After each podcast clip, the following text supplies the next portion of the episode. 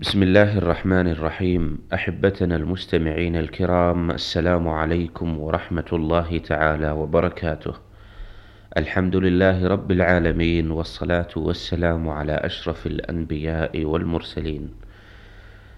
أيها الأحباب نرحب بكم أجمل ترحيب في مستهل حلقة جديدة من حلقات برنامج كبائر الذنوب. كما يسرنا أيضا أن نرحب بفضيلة الشيخ صالح الأطرم فأهلا وسهلا بكم وحياكم الله. حياكم الله وبارك الله في الجميع.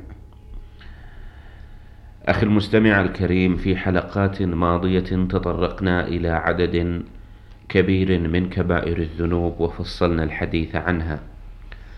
وفي هذه الحلقة سنتحدث عن الركن الثالث من أركان الإسلام ألا وهو الزكاة. وسنتناول ترك الزكاة ككبيرة من كبائر الذنوب. فبدءا نسأل بأهمية هذا الموضوع وبأهمية هذا الركن من فضيلة الشيخ. بسم الله الرحمن الرحيم. الحمد لله رب العالمين وصلى الله وسلم على نبينا محمد وعلى آله وصحبه أجمعين. وبعد فمما لا شك فيه أن الإسلام أوامر ومنهيات وأن من الأوامر ما هو متأكد بل وركن من أركان الإسلام. ومعلوم أن ما كان هذه صفته فتركه كبيرة من الكبائر. فمن جملة هذه الأركان للإسلام التي لا يقوم ولا يستقيم إلا بها أداء زكاة المال. أداء زكاة المال. فزكاة المال آه، ركن من أركان الإسلام وهو عبادة مالية. كما أن الصلاة عبادة بدنية. فهما دليلان واضحان للإنقياد وعلى الإنقياد وعلى تحقيق معنى لا إله إلا الله لأن الصلاة تدل على الاستسلام بالبدن والزكاة تدل على الاستسلام بالمال. إقام الصلاة وإيتاء الزكاة. فلهذا جاءتا عبادة جاءت جاءت هاتان العبادتان متلازمتان. كما قال ابن عباس ثلاث آيات نزلت مقرونات. فطاعة الرسول نزلت مقرونة بطاعة الله والزكاة نزلت مقرونة بالصلاة وشكر الوالدين نزل مقرونا بشكر الله. فمن أدى واحدة دون الأخرى فإنها لا تقبل. وعلى هذا يكون منع الزكاة كبيرة من الكبائر.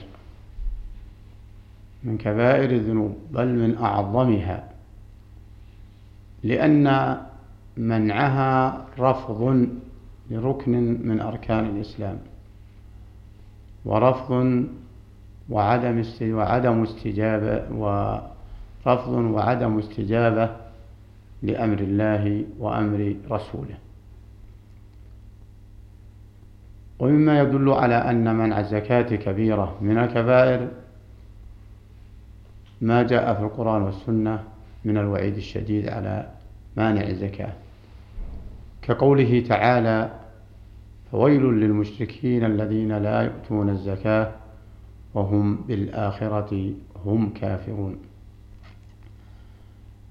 فتوعد الذي لا يؤتي الزكاة بالويل وسماه مشركا ووصفه بأنه كافر في الآخرة.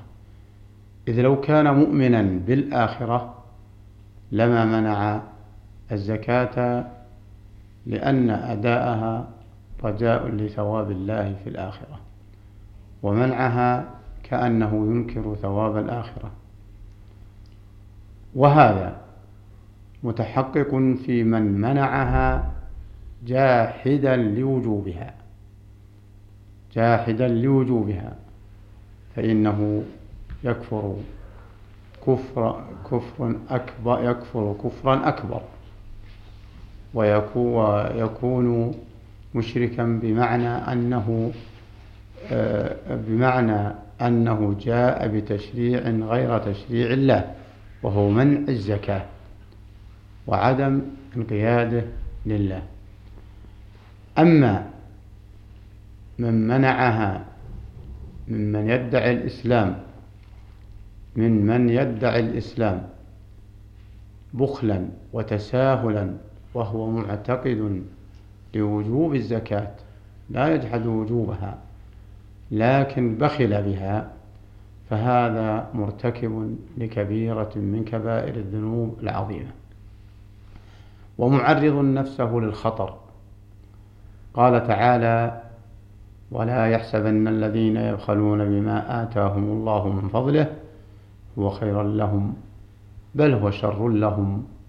سيطوقون ما بخلوا به يوم القيامة. ولله ميراث السماوات والأرض والله بما تعملون خبير. ولم يؤدي ما أمر به على وجه المطلوب كما قال تعالى وما أمروا إلا ليعبدوا الله مخلصين له الدين ويقيموا مخلصين له الدين حنفاء ويقيموا الصلاة ويؤتوا الزكاة. وعرض نفسه لأن يعذب بماله الذي بخل بزكاته. قال تعالى والذين يكنزون الذهب والفضة والذين يكنزون الذهب والفضة ولا ينفقونها في سبيل الله فبشرهم بعذاب أليم. يوم يحمى عليها في نار جهنم. فتكوى بها جباههم وجنوبهم وظهورهم. هذا ما كنزتم لأنفسكم فذوقوا ما كنتم تكنزون. وجاء الحديث الشريف الذي يدل على أنه يعذب بماله الذي منع زكاته.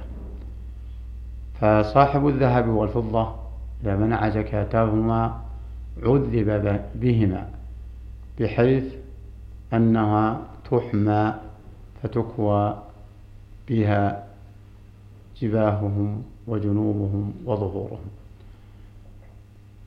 وليس معنى هذا أن الكي يقع بعضه يقع بعضه على بعض يقع بعضه على بعض وإنما توسع الجلود. فيكوى في كل درهم أو دينار منع زكاته. وكذلك إذا منع زكاة الإبل فإنه يعذب بها. وهكذا إذا منع زكاة عروض التجارة فإنه يطوق إياه يوم القيامة ويقول له أنا مالك أنا كنزك. فعلى هذا يجب على كل مسلم أن يتعاهد نفسه وأن يؤدي زكاة ماله. خوفا من ارتكاب هذه الكبيرة وامتثالا لأمر الله ورجاء ثوابه ورجاء المزيد من ورجاء المزيد من فضله لأن الزكاة سبب لزيادة الأموال وسبب لبركتها ولا تنقص المال بل آه، بل تزده. وحينما يمنع الزكاة إن كان واجبا فهو مرتد. يعني إن كان إن كان منع الزكاة معتقدا عدم الوجوب عدم وجوبها فإنه مرتد. يدعى إلى الإسلام فإن رجع وإلا قتل. وإن منعها بخلا فعلى الحاكم أن يأخذها ويعاقبه بشطر ماله كما فعل رسول الله صلى الله عليه وسلم وكما قال إن آخذوها وشطر, وشطر ماله. ودل هذا على أن منعها كبيرة وأنه وأن الحكم في الدنيا يتفاوت كتفاوته في الآخرة. نعم. من كل ما سبق نتبين فضيلة الشيخ أن الزكاة أمرها أمر واضح. نعم. فمنعها كبيرة من كبائر الذنوب وتركها وعمل وإتيانها ركن من أركان الإسلام. نعم. لكن ما بالك بمن يؤدي بعض زكاته ويترك البعض الآخر؟ ظنا منه أن هذا يكفي كأن يدفع مبلغا محددا بدون أن يرجع إلى أصل ماله ويخرج النسبة المعينة. فهل هذا أيضا يعتبر من الكبائر؟ آه هذه عبادة لا تقبل التجزئة عبادة لا تقبل التجزئة بل لا بد أن يؤديها المسلم على يقين من صحتها وإتمامها فعليه أن يعرف ماله الذي وجبت فيه زكاة فيؤدي زكاته وعليه أن يتعب في إحصاء ماله وتقديره إن كان عروض تجارة. وما قلته ملموس من بعض الإخوة إما للتساهل أو لقوله أنا أبني على الاحتياط. ومعلوم أن هذه مثل هذه العبادة لا يكفي فيها البناء على الاحتياط بل عليه أن يتيقن ويبذل الوقت والتعب من جسمه والاستعانة بغيره بأجرة أو بغير أجرة لإحصاء ماله وتقديره ولإحصاء ماله. ومن ثم يكون إخراجه لزكاة على وجه اليقين. وأما الاحتياط فيأتي ببعض الصور مثل من يكون لديه توفير من دخله شهريا فهذا لا مانع أن يجعل له وقتا في السنة ثم يخرج زكاة ما عنده. فيكون هذا الإخراج زكاة لما حال عليه الحول في وقته وتعجيلا للذي لم يحول عليه الحول. ثم بعد ذلك يتركه حتى يحول الحول مرة أخرى. فهذا من الاحتياط الذي هو بالحقيقة يقين وليس احتياط بمعنى أنه تخرص أو على غلبة الظن بل احتياط للت... لأنها فيها تعجيل لما لم يجب حتى لا ينسى أثناء السنة وحتى لا يتداخل آه، الوفر فينسى أوقاته. فخلاصة أن الزكاة عبادة لا تقبل التجزئة فلا بد من التيقن من آه، من وقتها لا يفوت ولا بد من التيقن في آه، المال الذي يحتاج إلى زكاة. نعم. جزاكم الله خيرا فضيلة الشيخ. إخوتنا المستمعين الكرام كنا في هذه الحلقة من حلقات برنامج كبائر الذنوب قد تحدثنا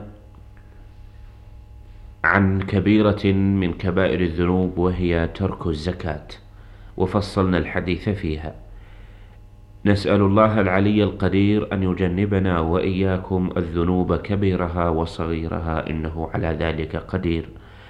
كما نسأله تعالى أن يسعدنا بلقياكم في حلقة لاحقة من حلقات هذا البرنامج.